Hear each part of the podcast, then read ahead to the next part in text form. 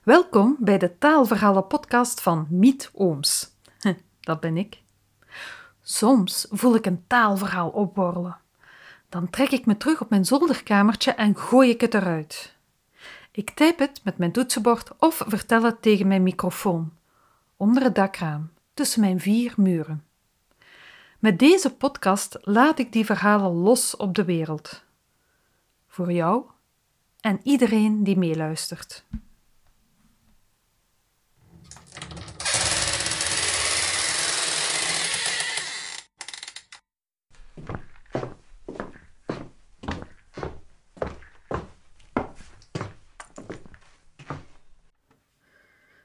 Jif of Sif, een column voor VRT Taal van 21 april 2021.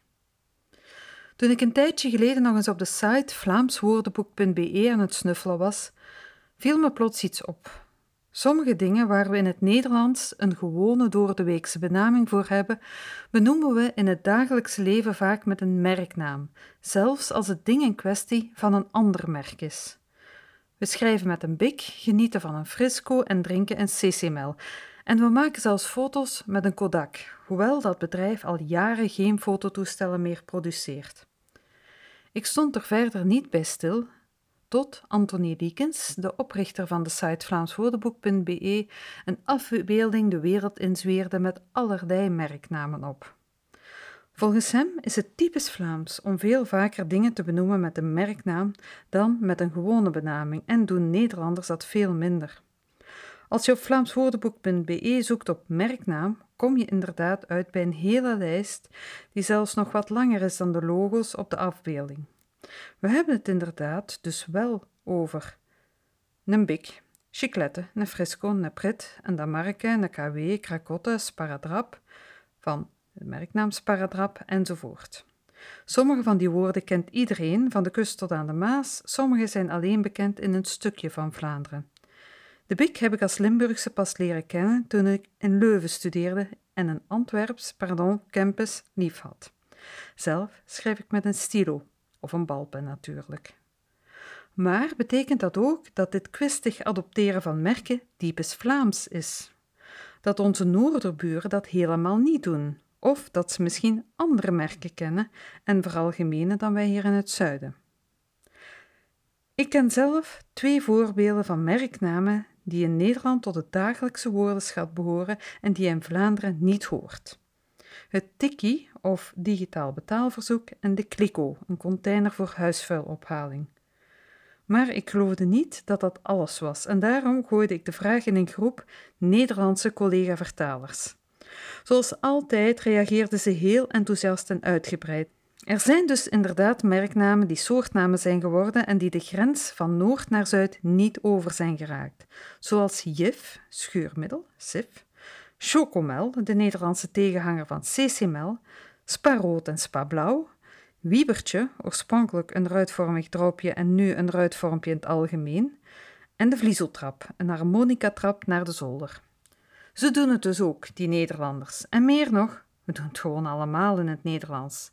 Kennen we niet allemaal Barbie, cellofaan, Walkman, Maggie, Photoshoppen, Inbesleutel, Jeep, Labello, Polaroid, Post-it, Wasco, Vaseline?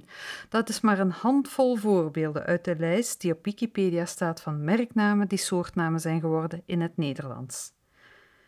Heel eerlijk, de vraag of Vlamingen dit vaker doen dan Nederlanders is hiermee niet beantwoord. Het lijstje met typisch Nederlandse voorbeelden is korter dan het lijstje met Vlaamse voorbeelden die ik uit het vlaamswoordenboek.be kan halen. Daartegenover staat dat je het resultaat van één vraag moeilijk kunt vergelijken met een materiaalverzameling die al 13 jaar bestaat en blijft groeien. Maar het zou wel een Vlaams trekje kunnen zijn. Uit al dat gegrasduin heb ik nog iets geleerd. Het verschijnsel heet merkverwatering en merken zijn daar niet blij mee. Hoezo, dat zijn geen eponiemen, dacht ik, toen ik las dat dit een andere naam had. Maar het klopt. Bij eponiemen gaat het over persoonsnamen die soortnamen worden. Meestal zijn het de namen van kunstenaars of uitvinders die verder leven in hun werk. Soms gaat het over andere mensen. Denk aan een Rubens, een schilderij van Rubens. Een Mercedes, de dochter van de uitvinder. Een saxofoon, naar uitvinder Sax. Op enkele uitzonderingen na zijn eponiemen positief voor de naamgever. Ze blijven voortleven in de bijdrage die ze aan de mensheid hebben geleverd. Maar merknamen zijn geen persoonsnamen. Merken willen dat hun naam alleen staat voor hun unieke product, hun kwaliteiten, wat hen anders maakt dan hun concurrenten. Ze spenderen geen bakken geld aan marketeers, vormgevers en advocaten gespecialiseerd in copyright om vervolgens geassocieerd te worden met goedkope, minderwaardige kopieën. En dat is exact wat er gebeurt als een merknaam een soortnaam wordt. Je gaat zakken op die lekkende pampers van dat goedkope merk en moppert over die prit die maar niet blijft plakken. In het beste geval beslis je dan om de volgende keer voor echte pampers en pret te gaan, maar intussen heb je er wel op gevloekt. Dus sorry beste merken dat we jullie inspanningen zo weinig naar waarde schatten. Het was niet met opzet. En je kunt het ook als compliment opvatten. Je bent inspirerend en hebt op zijn minst ooit zo'n overtuigende reclamecampagne gevoerd dat je naam nu onlosmakelijk verbonden is met dat ene product. Ofwel omdat je de eerste was, ofwel omdat je zo goed bent, ofwel allebei. En waarschijnlijk vinden de meeste mensen een echte chocomel lekkerder dan een, een chocomel.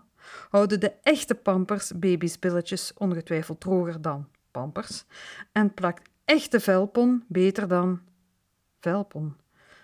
Zoals een zekere voetballer ooit zei: elk nadeel heb zijn voordeel.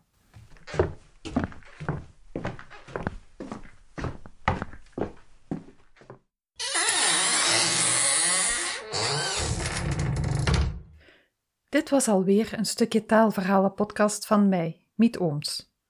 Vond je het interessant? Plezant? Vertel er dan over. Geef een review of een like, deel ze op je sociale media of laat je vrienden er gewoon naar luisteren. Want verhalen kunnen alleen leven dankzij hun luisteraars. Tot de volgende keer!